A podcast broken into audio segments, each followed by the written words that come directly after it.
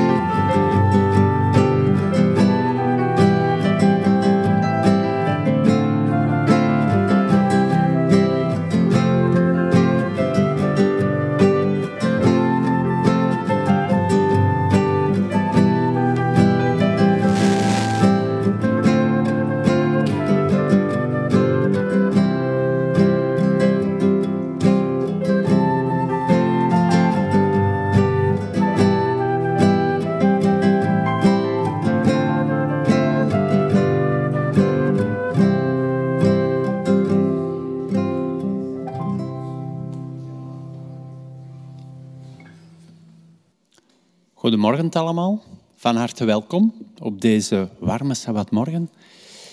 Um, uiteraard ook de kijkers thuis, van harte welkom. Um, we gaan vandaag een dienst hebben en het zal uh, Nadine van Parijs zijn die ons zal voorgaan. En uiteraard heten we haar ook van harte welkom deze morgen. Vooraleer we van start kunnen gaan, zijn er een aantal aankondigingen te doen. Het zijn er wel een aantal. Um, Eerst en vooral uh, merken jullie dat vandaag de zaal een beetje leger is dan dat we gewoon zijn. Um, het is namelijk zo dat onze jeugd, de gehele jeugdgroep, is vanmorgen vroeg vertrokken naar Kortrijk. En die hebben daar samen een spel dat ze hebben georganiseerd vanuit de gemeente van Kortrijk. Ik hoop dat ze daar een heel aangename tijd mogen beleven. In alle geval warm gaan ze het hebben. Want het is een stadspel en dat is nog altijd net iets warmer als in het park. Maar ik wens ze in ieder geval heel veel plezier toe. Um, volgende week, 17 juni, dat staat al een aantal weken in het krantje, hebben we onze jaarlijkse, kunnen we zeggen, jaarlijkse gemeentevergadering uh, in de namiddag. En daarop is iedereen uiteraard van harte uitgenodigd. We gaan dan met z'n allen eens even samen nadenken over de toekomst van onze kerk. Wat we gaan doen de komend jaar, komende jaren. En hoe dat we dat gaan aanpakken. Uh, hebt u puntjes dat u zelf zegt van oké, ik zou die wel eens willen bespreken met de gemeente, dan kunt u die nog altijd doorgeven aan onze predikant of aan Tirja, uh, die hier zit, of aan een van de ouderlingen. En dan kunnen we dat ook inplannen in die gemeentevergadering. Um, er wordt ook u de mogelijkheid geboden om niet over en weer te gaan naar huis na de dienst. En dan kunt u rustig hier in de kerk blijven. En dan kunnen we met z'n allen tezamen eten. Altijd heel gezellig. Kunnen we ook nog een babbeltje slagen. Daar zijn we allemaal als Adventisten heel goed in. Om veel te praten met elkaar. Um, en we gaan er een potluck van maken. Voor degenen die het woord potluck niet kennen, het is heel simpel. U neemt uw eten mee, iets lekkers, daar zijn we ook allemaal goed in. En we zetten dat allemaal op één grote tafel en dan eet iedereen van alles dat op die tafel staat. En dat is gezellig, dat brengt binding met elkaar en dan kunnen we ook discussiëren welk eten het lekkerste is. Maar goed, daar gaan we dan ook weer niet te ver in. Um, in ieder geval, u bent van harte uitgenodigd dan om te komen, ook op die potluck. We zullen wel koffie en thee en frisdrank wel voorzien. Um, dus in ieder geval zie ik er naar uit dat er heel veel gemeenteleden zullen aanwezig zijn. En ik wil er ook nog op aandringen dat het altijd aangenamer is om met veel volk daar samen te zijn. En ideeën zijn altijd welkom. Over twee weken, op 24 juni, gaat onze jeugd naar de zee. Die hebben een drukke agenda. Vandaag naar Kortrijk, binnen twee weken gaan ze naar de zee. Dat is ook iets dat we al jaarlijks organiseren.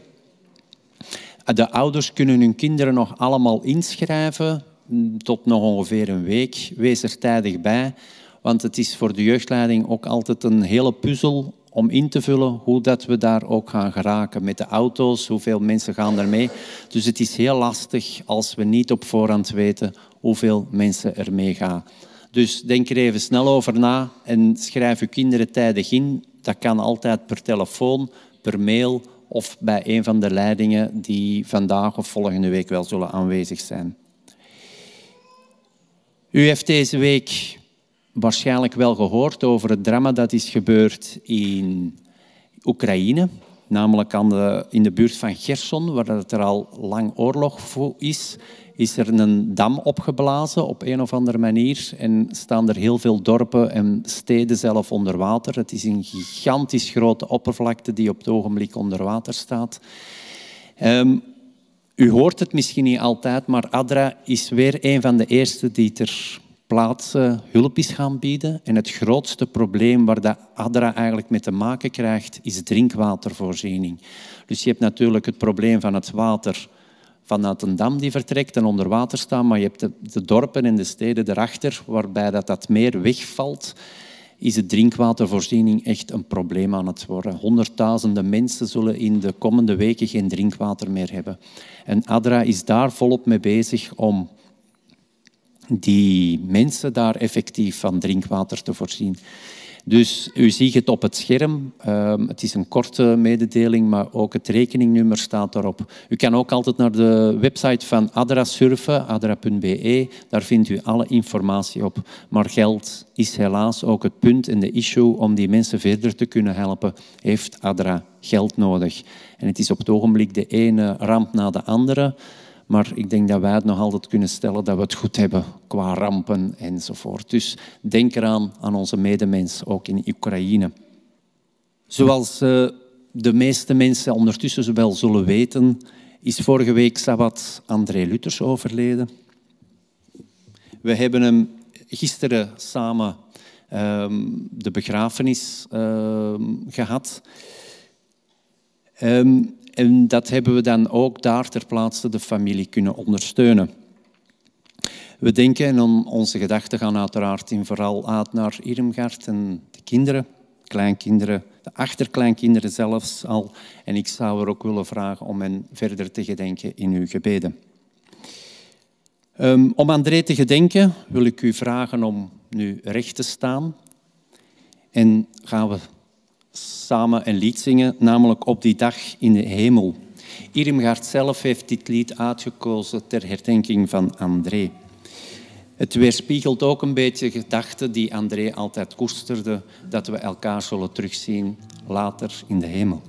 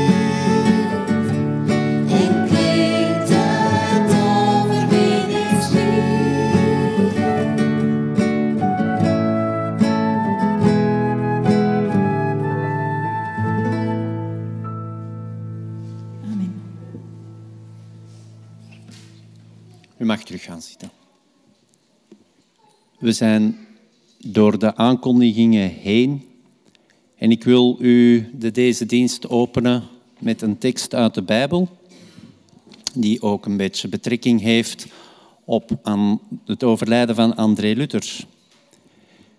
En we beginnen in Romeinen 8, vers 36. Er staat geschreven, om u worden wij dag na dag gedood en afgevoerd als schapen voor de slacht. Maar wij zegevieren in dit alles glansrijk, dankzij Hem die ons Zijn liefde heeft bewezen.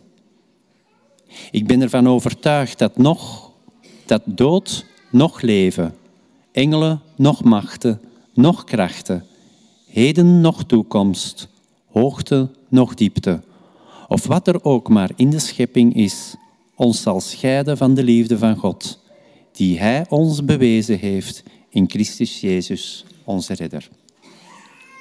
Ik zou u nu terug willen opvragen om recht te staan, zodat we de dienst met een gebed kunnen openen. Onze Vader in de hemel, Heer, op deze zonnige en warme dag komen wij tot U om U te danken dat wij hier op deze Sabbatmorgen kunnen samenkomen in Uw aanwezigheid. Dat wij samen U kunnen loven en prijzen. Met gezangen en met gebeden. En met het bestuderen van Uw woord, Heer. We willen U danken dat U zoveel voor ons doet. Elke dag opnieuw. We begrijpen het niet altijd, Heer, maar we zijn ervan overtuigd dat U steeds het beste met ons voor heeft. Heren, we willen u ook danken voor het mooie weer. Een mooie weer waar onze jeugd in volle teugen van kan genieten. In Kortrijk, Heer. Willen vragen om u een toffe en gezegende dag te geven, Heer. Behoed en bewaar hen. Willen bij hen ook zijn in de komende weken die voor ons liggen, Heer. Zij hebben examenperiode, een moeilijke en stresserende periode. Heer, we willen de kracht geven en de inzicht te geven die ze nodig hebben om dit tot een goed einde te brengen. Wil ook bij diegenen zijn die hier vanmorgen niet kunnen aanwezig zijn.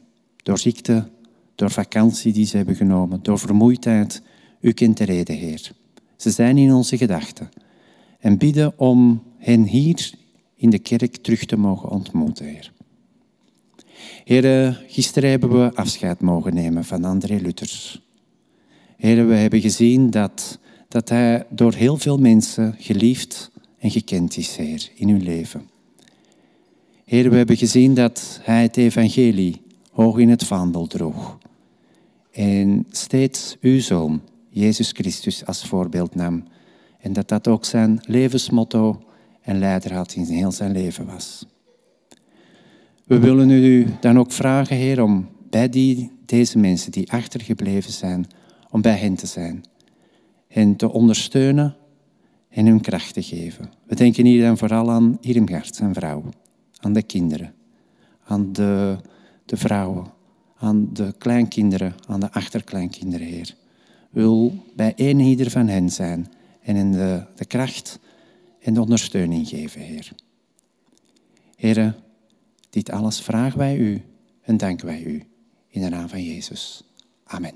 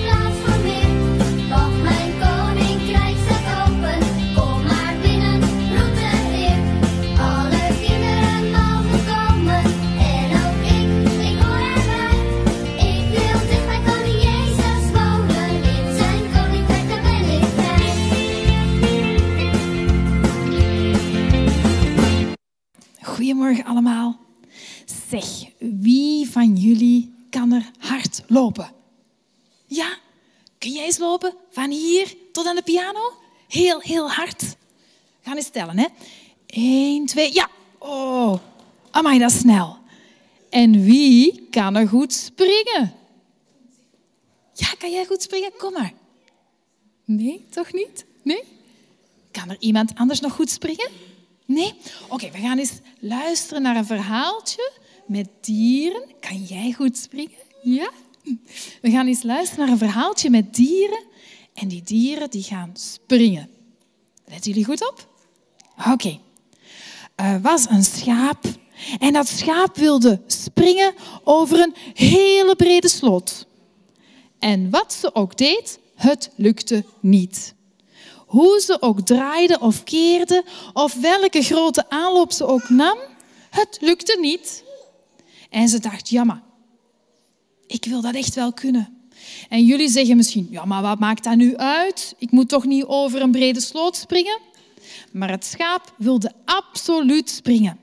Ze wilde echt, want ze dacht, als ik van, als ik van binnen het weet dat ik het kan en goed genoeg en, en heel erg gemotiveerd ben, dan ga ik zeker over de sloot kunnen springen. En ze dacht, weet je wat, als ik nu eens aan de hond vraag, als jij mij nu eens bijt, dan ben ik bang en dan spring ik vast wel over de sloot.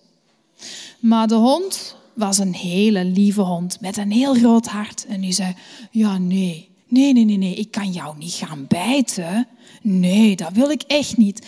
En zei, ja, weet je, als er nu een wolf zou zijn waar ik heel veel schrik van zou hebben en bang zou hebben als die mij zou aanvallen, ja, dan misschien zou ik jou wel bijten. Dus wat deed de hond? De hond die ging naar de wolf en die zegt, zeg wolf, ik heb je nodig. Zou jij mij misschien willen aanvallen? Want als jij mij aanvalt, dan kan ik het schaap bijten, dan schrikt het schaap en dan springt ze over de sloot. Maar de wolf zei, ja, ja, ja, maar ik heb helemaal geen honger. Ik val alleen maar dieren aan als ik honger heb. Hmm, wacht eens. Als er nu een beer zou zijn. Een beer die heel agressief is en ik moet mij er tegen verdedigen, ja, dan misschien zou ik jou wel aanvallen. En wat denk je dat de wolf deed? Wat deed hij? Die ging naar de, die ging naar de beer. Dus vroegen ze aan de beer, zeg beer, zou jij met jouw klauwen misschien de hond, nee, dat is niet waar, met jouw klauwen misschien de wolf willen slaan?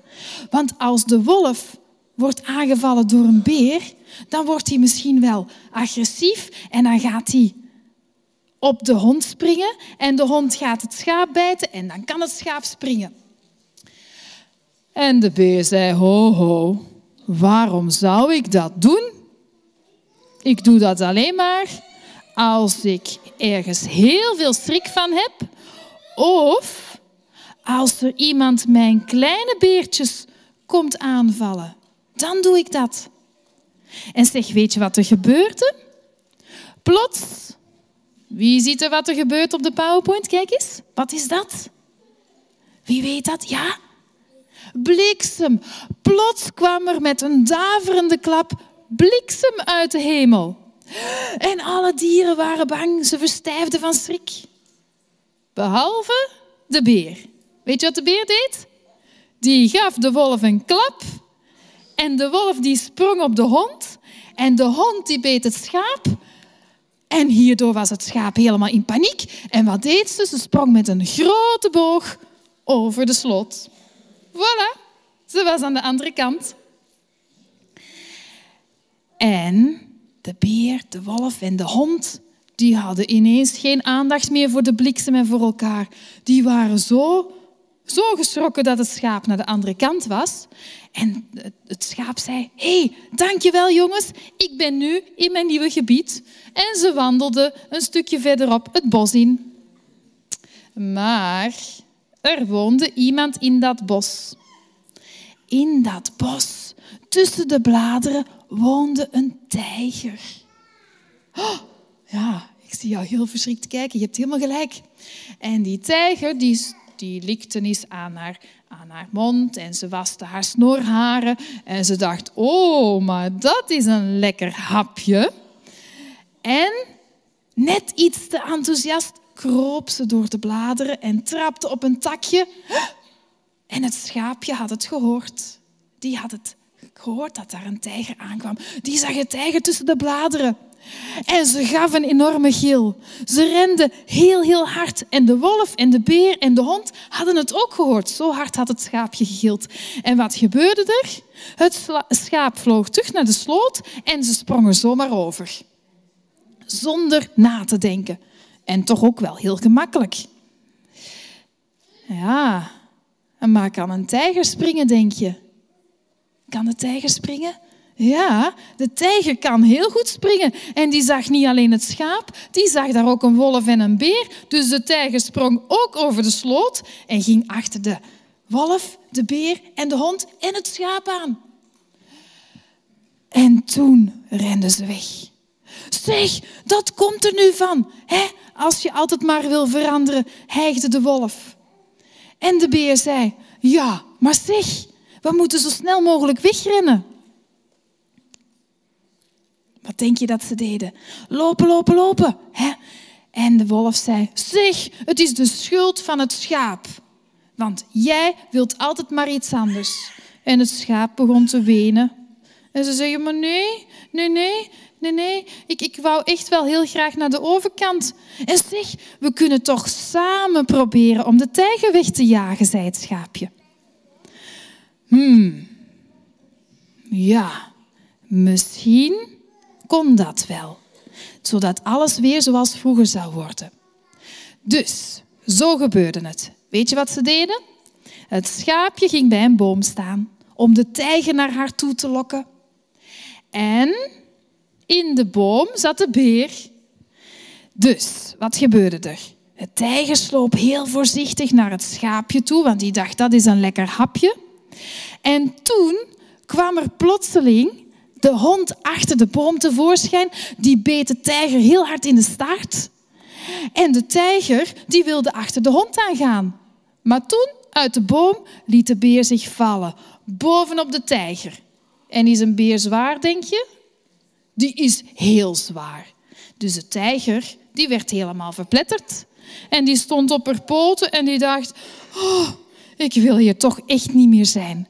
Ze zetten het op een lopen en wolf die achtervolgde haar. Die achtervolgde de tijger en zo sprong de tijger terug naar haar eigen, haar eigen gebied aan de andere kant van de sloot. Zo, ik heb die goed weggejaagd, zei de wolf. Nee, nee, nee, nee, zei de beer. Nee, ik heb de tijger geplet, want ik ben uit de boom op haar gesprongen. Zeg, zei de hond, maar ik heb haar wel in de staart gebeten. En wat zei het schaapje? Ik had het plannetje bedacht. Ineens keken ze elkaar aan en ze begonnen allemaal te lachen. Zeg, zeiden ze, als we zo goed samen kunnen werken, dan verandert er een heleboel. Dus samenwerken en samen zijn we sterker. En de hond die keek om zich heen en die zegt, huh, er is hier helemaal niks veranderd. Het is net zoals vroeger. Ah nee, zei het schaapje. Er is toch wel iets veranderd. Want, zei ze, ik wil niet meer naar de overkant toe. Zeg, in de Bijbel vertelt Paulus dat alle deeltjes van ons lichaam even belangrijk zijn. Kunnen wij met onze oren horen? Ja, met onze oren kunnen we horen. Maar kunnen we met onze oren ook zien? Nee, met onze oren kunnen we niet zien. Nee. En kunnen we met onze ogen iets eten? Ook niet. En kunnen we misschien dan met onze voeten iets vastpakken? Ja? Jij wel? Maar dan heb je knappe voeten. Ja. Maar met onze handen pakken we iets vast. Met onze voeten kunnen we misschien wel iets grijpen, dat is waar. Maar Paulus zegt, alle stukjes van ons lichaam kunnen niet zonder elkaar. Die horen allemaal bij elkaar. En iedereen van jullie is ook allemaal anders. We zijn allemaal verschillend. Iedereen hier in de zaal is verschillend. Maar we hebben elkaar nodig. En de ene is niet belangrijker dan de andere. En dat is heel, heel belangrijk om te weten. Zeg, kunnen jullie zo eens een vuistje maken? Maak eens zo een vuistje. En geef eens een vuistje aan het jongetje of het meisje naast jou. Doe dat eens. Zo, ik ga even meedoen. Zo. En weet je wat we zeggen? Jij bent even belangrijk als ik. En God vindt dat ook. Jullie mogen boven een werk hierover gaan maken. Tot de volgende keer.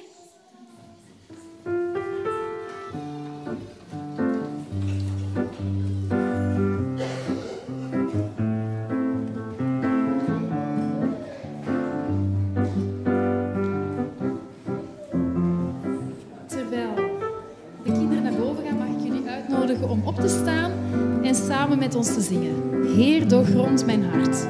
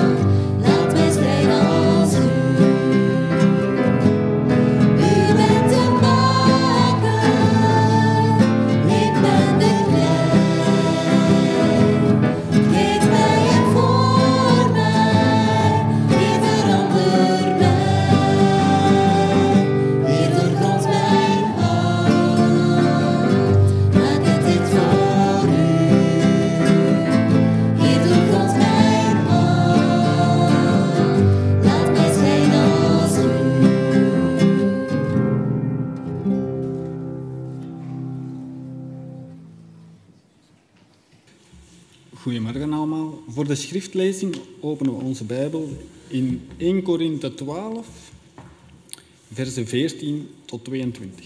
1 Korinthe 12, van 14 tot 22.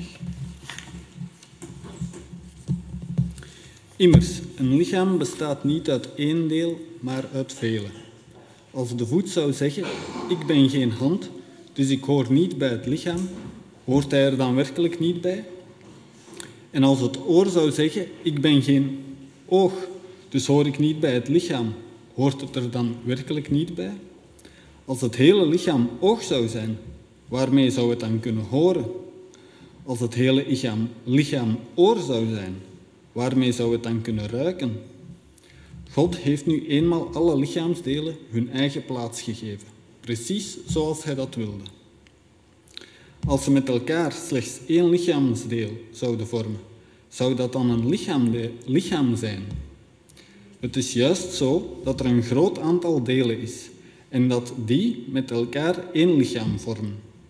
Het oog kan niet tegen de hand zeggen, ik heb je niet nodig. En het hoofd kan dat evenmin tegen de voeten zeggen. Integendeel, juist die delen van het lichaam die het zwakst lijken, zijn het meest noodzakelijk. Ik lees u verder uit 1 Corinthiërs 12, wel- vers 26 en 27. 1 Corinthiërs 12, vers 26 en 27. Wanneer één lichaamsdeel pijn lijdt, lijden alle anderen mee. Wanneer één lichaamsdeel met respect behandeld wordt, delen alle anderen in die vreugde. Welnu, u bent het lichaam van Christus en ieder van u maakt daar deel van uit. De Heer zegene de lezing van zijn woord. Goedemorgen. Een uh, gezegende sabbat van mij voor iedereen hier in de kerkzaal. Ook voor de mensen die van thuis, vanuit het ziekenhuis, noem maar op, van waar dan ook, deze dienst kunnen meevolgen. Ik moet zeggen, toen ik daarnet naar het kinderverhaal zat te luisteren, zei ik even tegen Soetkin van, eigenlijk kunnen we nu naar huis. De overdenking is gebracht in het kinderverhaal. Maar ik vond het uh, heel mooi. Ik vind elke keer heel mooi hoe jullie het altijd weer weten te toepassen. Hoe het kinderverhaal zo mooi aansluit op de prediking. Dat is altijd heel mooi om te zien hoe zorgzaam dat gebeurt. Vandaag zou ik met jullie willen praten over geloof in gemeenschap. En laten we beginnen bij het begin. Als we praten over geloven, waarover praten we dan eigenlijk? Wat is geloven? Waar draait het dan eigenlijk om? Is geloven voor jou een toestand, een manier van zijn? Of ervaar je geloven als een beweging, als een manier van leven, van hoe je in het leven staat, hoe je met het leven omgaat? Een eh, flink aantal jaren terug ondertussen, ik denk dat het een jaar of zeven, acht geleden zal zijn, heb ik een eh, opleiding gevolgd bij ons in Brugge over de Johanneese literatuur. Dat is een heel groot woord om te zeggen het evangelie en de brieven van Johannes. En daar werd iets duidelijk. Daar leerde ik dat Johannes, of in het evangelie van Johannes, even kijken, ja, hier komt hij, dat eh, het Griekse zelfstandig naamwoord pistis, wat eigenlijk geloof of zekerheid of trouw betekent, dus als zelfstandig naamwoord, komt dat niet voor. In gans het Johannes-evangelie vind je dat zelfstandig naamwoord niet. Johannes spreekt altijd over het werkwoord pistoi, wat vertaald kan worden als geloven, vertrouwen, je toevertrouwen aan iemand omdat die persoon betrouwbaar is. Dus hij gebruikt altijd het werkwoord. Maar ondanks het feit dat hij dus steeds dat werkwoord pistoi gebruikt, gebruikt sorry, wordt het in de Nederlandse vertalingen wel heel vaak verschillend vertaald. En dat duidt eigenlijk al onmiddellijk op de complexiteit van dat geloven, waar wij zo vaak en soms zo makkelijk over praten, hoe complex het eigenlijk wel is. Een voorbeeldje, laat u niet afschrikken door de Griekse tekst, die gaan we er niet bij nemen. Het is enkel om de woordkeuze te kunnen duiden. Een mooi voorbeeld vinden we in het eh, Johannes-evangelie 10, vers 38. Driemaal gebruikt Johannes daar dat werkwoord, pistoi. Maar als je het in de Engelse vertaling, de nieuwe King James Bijbel, bekijkt, daar wordt het ook elke keer vertaald door het werkwoord to believe. Daar blijft het heel erg trouw. Anders wordt het als wij dat proberen om te zetten, te hertalen naar onze taal. Dan krijg je dit. Als we de Nederlandse vertaling bekijken, wordt het duidelijk dat geloven een, eigenlijk een heel veelomvattend woord is. De NBV vertaalt het als begrijpen. In de NBG 51, zij gebruiken de woorden weten en herkennen. En de herziene statenvertaling spreekt over bekennen en geloven. En de Naardense Bijbel, die eigenlijk het dicht bij de brontekst blijft, die gebruikt dan de woorden erkennen en herkennen. Dus heel veel verschillende vertalingen voor dat ene werkwoord geloven. Dat voorbeeld illustreert in elk geval voor mij goed waarom Johannes er steeds over dat werkwoord praat. Hij doet dat omdat het niet... Ja, je kunt het niet in abstracte zinnen, in abstracte bewoordingen weergeven. Als hij spreekt over het geloof, of over geloven eigenlijk moet ik zeggen, als actief werkwoord. Want bij hem ligt de nadruk op de weg van het geloven gaan. Dus geloven moet ons in beweging brengen. Je gaat de weg van het geloven. Ook in het Oude Testament. Als we zien in het Oude Testament, dan was weggaan, uittocht, ballingschap, die stonden van bij het begin model voor wat geloven eigenlijk is. Geloven is niet in Egypte blijven. Het was de woestijn intrekken. Geloven was niet bij jouw land of bij jouw stam blijven. Het is erop uittrekken. Geloven is geen vaste verblijfplaats. Het was wonen in tenten. Geloven was geen zacht kussen onder je hoofd, maar een steen. Als je al geluk had, vond je een steen om je hoofd op te leggen. Geloven is het tegendeel van blijven zitten waar je zit en verroer je vooral niet. Geloven is geen afdak om onder te schuilen. Geloven is op weg gaan. In het volste vertrouwen. Zonder eigenlijk te weten waar je terecht zult komen. En dat steeds opnieuw. Steeds opnieuw die stap zetten. Geloven dat is ontwortelen. Je loswoelen. Niet krampachtig willen vasthouden aan wat je al kent. Wat niet wil zeggen dat wat we qua kennis verworven hebben niet belangrijk zou zijn. Dat we het allemaal zomaar moeten vergeten, dat niet. Maar hou je niet krampachtig vast aan dat stukje wat je kent. Durf ook maar te kijken welke kennis je nog bij kunt opdoen. Jezus heeft immers het volgende gezegd. Hij zegt, mensen die achterom kijken in plaats van vooruit, zijn niet geschikt voor Gods nieuwe wereld. Dus durf maar vooruit te kijken. Geloven vraagt ons ook om los te komen van wat we hebben. Loskomen van wie we zijn. En ik denk als we dat in vertrouwen durven doen, dan hoeven we niet bang te zijn om op weg te gaan. Want in de Bijbel vinden we tal van voorbeelden waar God zijn volk steunt, wanneer het op pad gaat. God belooft ons immers ook dat onze weg, wanneer we die gaan op een rechtvaardige manier tenminste, dat die niet donker zal zijn. Dat die verlicht zal worden door het ochtendlicht. Ook vanmorgen in de Sabbatschool, als Tirza Psalm 1 aanhaalde, ook daar wordt het wel geschetst van wat het gevolg zal zijn als je kiest voor het woord van God. Als je kiest om die weg die Gods woord voor jou bereid heeft, welke schoonheid het kan brengen. Kan brengen. Dat je op tijd vrucht zult dragen. Ook dat is geloven. Maar geloven betekent natuurlijk ook niet dat wij constant op weg zouden moeten zijn. Want je zou bijna kunnen denken van, amai, nadien, dat wordt hier een vermoeiende dag op die manier. Het is tenslotte Sabbat, we mogen rusten. Inderdaad, we mogen, of ik zou durven zeggen, we moeten zelfs rusten. Want het was pas nadat Jacob, die op weg was van Beersheba naar Garan, op het moment dat hij ging slapen, dan pas kon hij dromen. Dromen van die ladder die naar de hemel reikt. Hij was op weg geweest en hij kwam tot rust. En ook dan gebeurt geloven in jouw leven. Dus de weg van het geloven gaan, zoals Johannes het bedoelt, gaat niet altijd makkelijk. Ik denk dat we daar ondertussen allemaal wel over eens zijn, dat we allemaal wel momenten in ons leven hebben waarop dat je kunt zeggen van, het was een lastige weg. Of ik zie nu een lastige weg die voor mij ligt. Ook dat hoort er nu eenmaal bij. Het gaat niet altijd makkelijk. En soms raken we alles de weg kwijt. Weten we eigenlijk niet meer waar we naartoe moeten. En dan mogen wij gerust God om hulp vragen. Ook dat is belangrijk. We kunnen elkaar om hulp vragen en we kunnen bij God terecht om hulp te vragen. En geloven... Oh, sorry, ik loop eentje achter, denk ik. Sorry. Geloven betekent, betekent ook niet dat wij alleen op stap moeten gaan. Daarnet, daarom dat ik zei van het kinderverhaal sloot er zo mooi bij aan. Geloven betekent volgens mij ook dat wij bereid zijn om anderen mee te nemen op onze tocht.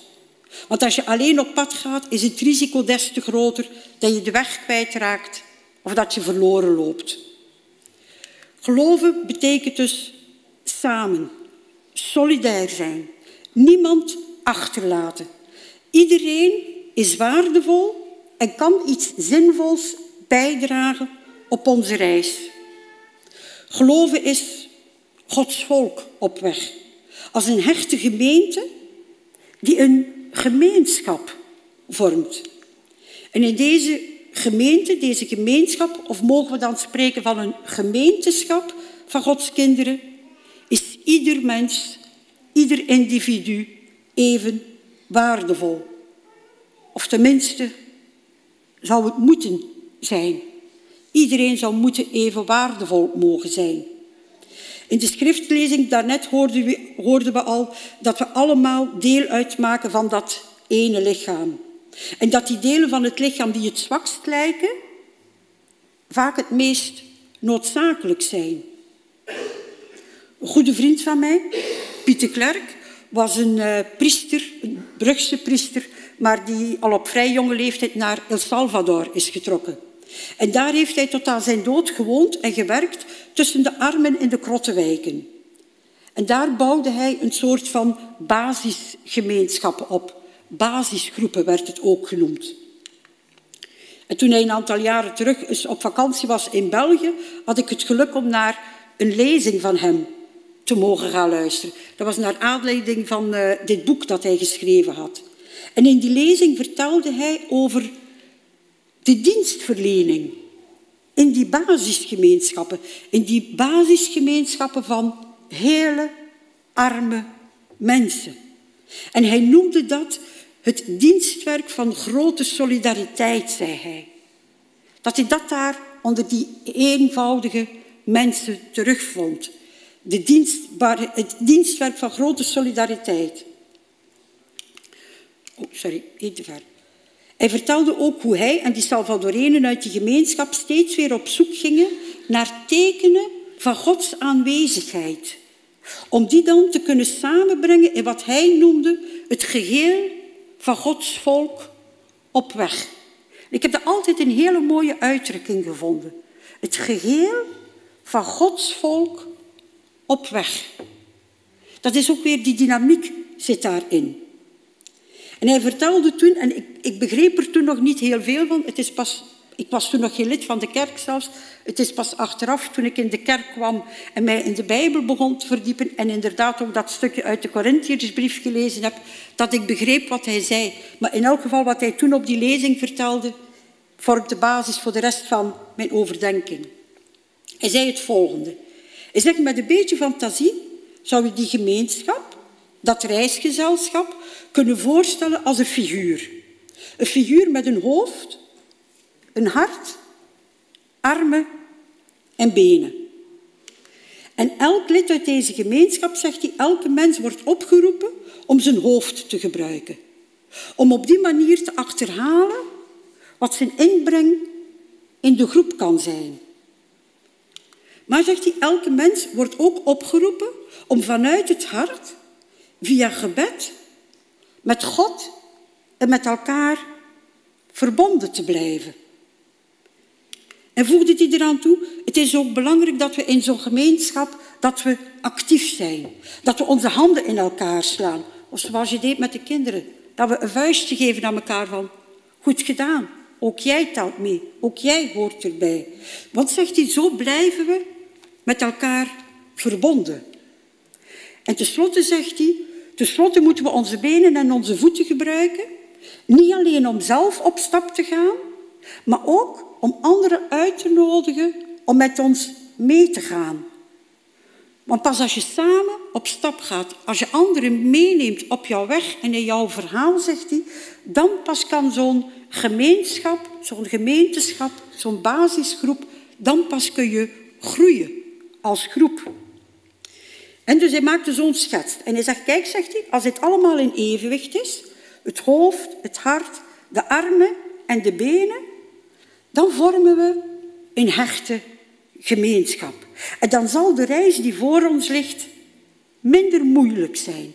Daarom nog niet altijd makkelijk, zei hij, maar in elk geval minder moeilijk. En dat vond ik al een troost. Het hoeft niet makkelijk, maar ik vond het al een troost van, oeh, het kan minder moeilijk worden. Maar Piet ging verder en hij zegt, maar jammer, zegt hij, al te vaak is het evenwicht in een gemeente, in een gemeenschap, is het evenwicht al te vaak zoek. Omdat we het ene boven het andere kiezen, of erger nog, zei hij, omdat wij de ene mens belangrijker vinden dan de andere. Dan is het evenwicht zoek. En hij stelde dat voor aan de hand van vier karikaturen. Ik neem jullie er even in mee. De eerste die hij tekende was dit. Het eerste voorbeeld, zegt hij, is dat van een gemeenschap waar mensen veel kennis ontwikkelen. Ze lezen veel, ze bestuderen de Bijbel en ze weten precies wat waar geschreven staat. Maar, zegt hij, ze toetsen die kennis niet altijd. Ze brengen ze niet vanuit hun hart in gebed tot de Heer. En vragen ook niet om een hand uit te steken of een voet te verzetten om al die opgedane kennis ook werkelijkheid te laten worden. Nee, zegt hij. Ze hebben wel op alles en op iedereen commentaar, maar zelf verroeren ze vaak geen vin. En zo worden we, zonder dat we het eigenlijk beseffen, bedweters. En verliezen we die solidariteit, die samengang. Te veel vanuit het hoofd. De tweede karikatuur die Piet tekende was deze. Hij zegt, deze toont een gemeenschap Hoe mooier kan het zijn met een heel groot hart. Hier bidden de mensen veel, zegt hij. Hier vragen we heel veel aan God. We smeken en we roepen hem aan. En zegt hij, zulke mensen achten God verantwoordelijk voor alles wat goed en fout gaat in het leven. En ze hebben er hun hoofd niet meer bij en ze begrijpen vaak niet dat ze eigenlijk ook een eigen verantwoordelijkheid moeten opnemen. Ze gebruiken hun handen niet en zetten zeker geen stappen vooruit. Nee, ze rekenen steeds op de tussenkomst van een machtige God. En vaak vinden ze elke eigen inbreng of actie onwaardig. En je raadt het al, ook hier raakt de verbondenheid met de rest van de groep of met de rest van de gemeenschap vaak verloren. Mooi, een heel groot hart, maar niet als het niet in evenwicht is. Ook deze, de derde, een heel actieve gemeenschap. Dat is niet aan de lange armen. En ik bedoel niet een lange arm zoals dat we het in de politiek vaak hebben. Nee, nee een heel actieve gemeenschap. Altijd zijn ze daar bezig. Altijd hebben ze iets om handen. En elke taak neemt hen volledig in beslag. Maar vraag ze niet waar het eigenlijk om gaat. Want dat weten ze niet, daar hebben ze nog niet over nagedacht. Vraag hen ook niet om te bidden, want daar hebben ze geen tijd voor. Er valt immers nog zoveel te doen. Liever Martha dan Maria, zou ik durven zeggen.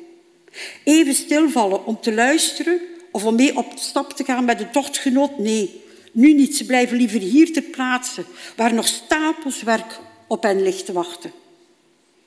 Het is mooi als mensen veel willen doen. Het is mooi als mensen actief willen bijdragen, maar ook hier weer niet als het niet in evenwicht is. Ook dan raakt onopgemerkt die solidariteit in de groep verbroken. We hebben er drie gehad, uiteraard. Hoort ook bij de vierde. Een karikatuur, die kan niet achterblijven. Een gemeenschap die altijd bij de mensen langs gaat. Die zichzelf vaak voorbij loopt weer, zonder nadenken. Geen tijd om te bidden of om te werken. Nee, er zijn nog zoveel mensen bij wie dat ze op bezoek willen. Steeds in beweging. Altijd ergens naar op, naar op weg.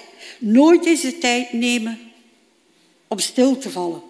Om tot rust te komen. Altijd op, sta- op stap. Altijd op zoek naar iets beters. Naar meer. Nooit tevreden met waar ze zijn terechtgekomen. Nooit tijd om tot rust te komen, zegt hij. Vaak treden zulke mensen alle leefregels met de voeten, zolang zij maar vooruitkomen. Zolang zij maar hun weg kunnen volgen. Wie dat er dan ook in de weg loopt, of wie dat er dan ook achterblijft. Ze kijken er niet naar om en dan kunnen ze, ja, ze houden geen rekening met wie achterblijft. Dus ook hier weer, het evenwicht is verbroken, de solidariteit raakt verbroken. Nochtans, als we ze goed bekeken hebben, die vier karikaturen, zij hebben allemaal een goed talent. Ze hebben het wel allemaal. Ze hebben kennis. Er is gebed. Er is actie en er is beweging. Maar het evenwicht is zoek. We zijn niet langer solidair met elkaar verbonden. En vandaar denk ik dat God ons oproept om onze kennis te verrijken. Uiteraard, dat hoofd van ons. Laat het ons gebruiken. Hè? Laat, ons kennis, laat ons die kennis verrijken, maar op de manier waarin we beter de noden van een ander kunnen begrijpen. Want wat ik je leer is waardevol, zei, Je- zei Jezus. Sla mijn onderricht niet in de wind. Sorry, in spreuk lezen dat. Sla mijn onderricht niet in de wind. Het is waardevol, dus doe maar kennis op, maar kijk hoe je het toepast. Ook roept de Bijbel ons op om in gebed te gaan. Om de band met Hem niet te verbreken. Dus uiteraard dat hart van ons, laat het in gebed met God verbonden blijven, maar ook met elkaar. Want wie mij vindt, staat er, vindt het leven. En die ontvangt de gunst van de Heer. Ook roept de Bijbel ons op tot actie. Om te helpen daar waar wij nodig zijn. Ik verzeker jullie, woorden die we allemaal kennen, alles wat je gedaan hebt voor een van de onaanzienlijkste van mijn broeders en zusters, dat hebben jullie voor mij gedaan. Dus ook hier weer die verbondenheid. Iets doen voor elkaar. Absoluut. En ook een oproep om in beweging te blijven, vinden we terug. Om niet stil te vallen of om te berusten in ons lot. Want als de weg die iemand gaat de Heer behaagt, dan doet hij zelfs zijn vijand vrede met hem sluiten. Ook dit vinden we terug in spreuken. Dus nogmaals, die vier karikaturen hebben allemaal hele, mooie, waardevolle eigenschappen. Maar bovenal roept de Bijbel, roept God ons op om het samen te doen. Samen met Hem, maar ook samen met elkaar. Om als het nodig is, elkaar met kennis en raad bij te staan. Daar waar ons eigen verstand misschien tekort schiet, kan iemand anders mij die raad geven. God roept ons ook op om voor elkaar te bidden. Wanneer, wanneer iemand dat om wat voor reden dan ook even zelf niet meer kan. Wanneer iemand geen woorden meer vindt of de kracht niet meer vindt om zelf te bidden, dan worden wij opgeroepen om voor elkaar te bidden. Maar ook om elkaar te helpen wanneer iemand zelf te zwak of te ziek is geworden.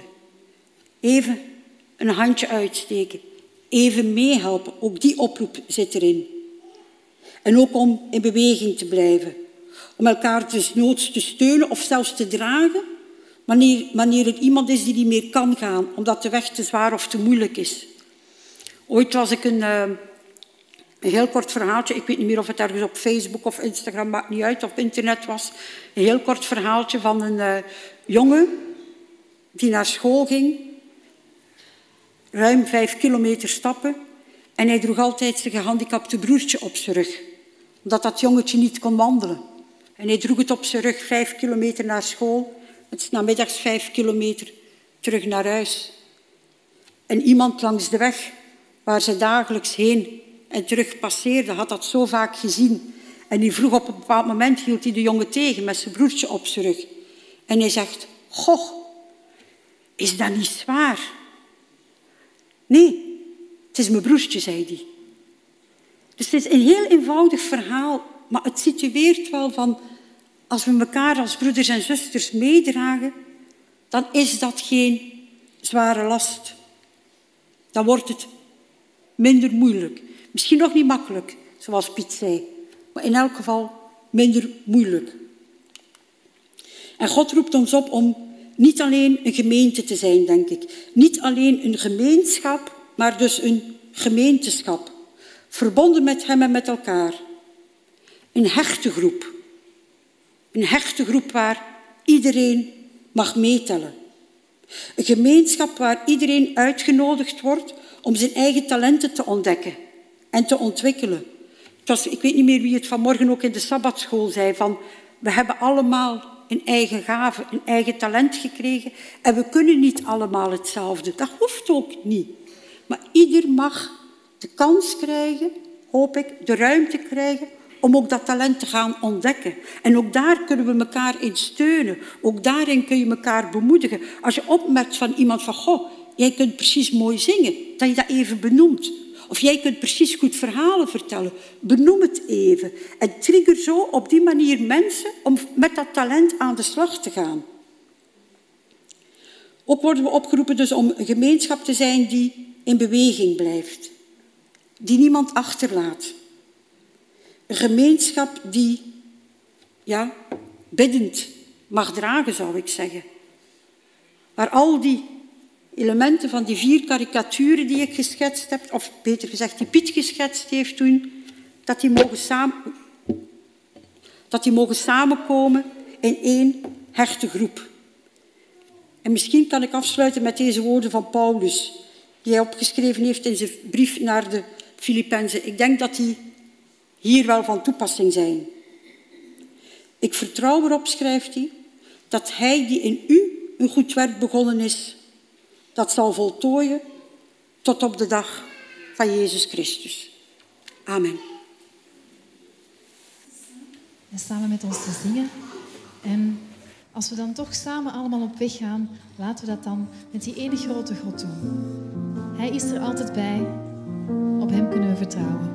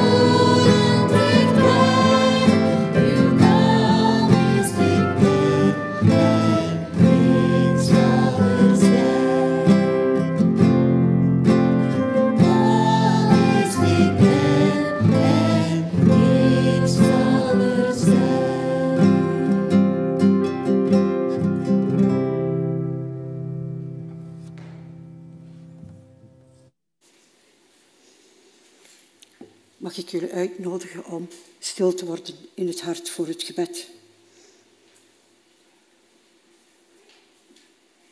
Hemelse Vader, wilt u ons leren om net zo traag te stappen als de traagste stapper? Want pas dan zijn wij samen op weg en laten we niemand in de steek. Wilt u ons leren hoe wij ons kunnen afstemmen op de allerarmste mens? Want alleen dan kunnen we samen rijk worden. en hoeft er niemand nog honger te lijden. Vader, wilt u ons ook leren luisteren zonder oordeel naar wie zich uitgesloten voelt, zodat iedereen een waardige plek mag vinden en niemand ontzuchtend achterna moet hollen. Vader, wilt u ons leren om niet onszelf op de eerste plaats te zetten, maar wel die mensen in onze gemeenschap naar wie wij het minste omkijken. We bidden u, Heer, dat u ons wil helpen om naar het voorbeeld van uw Zoon Jezus Christus te leven in verbondenheid met u. Amen.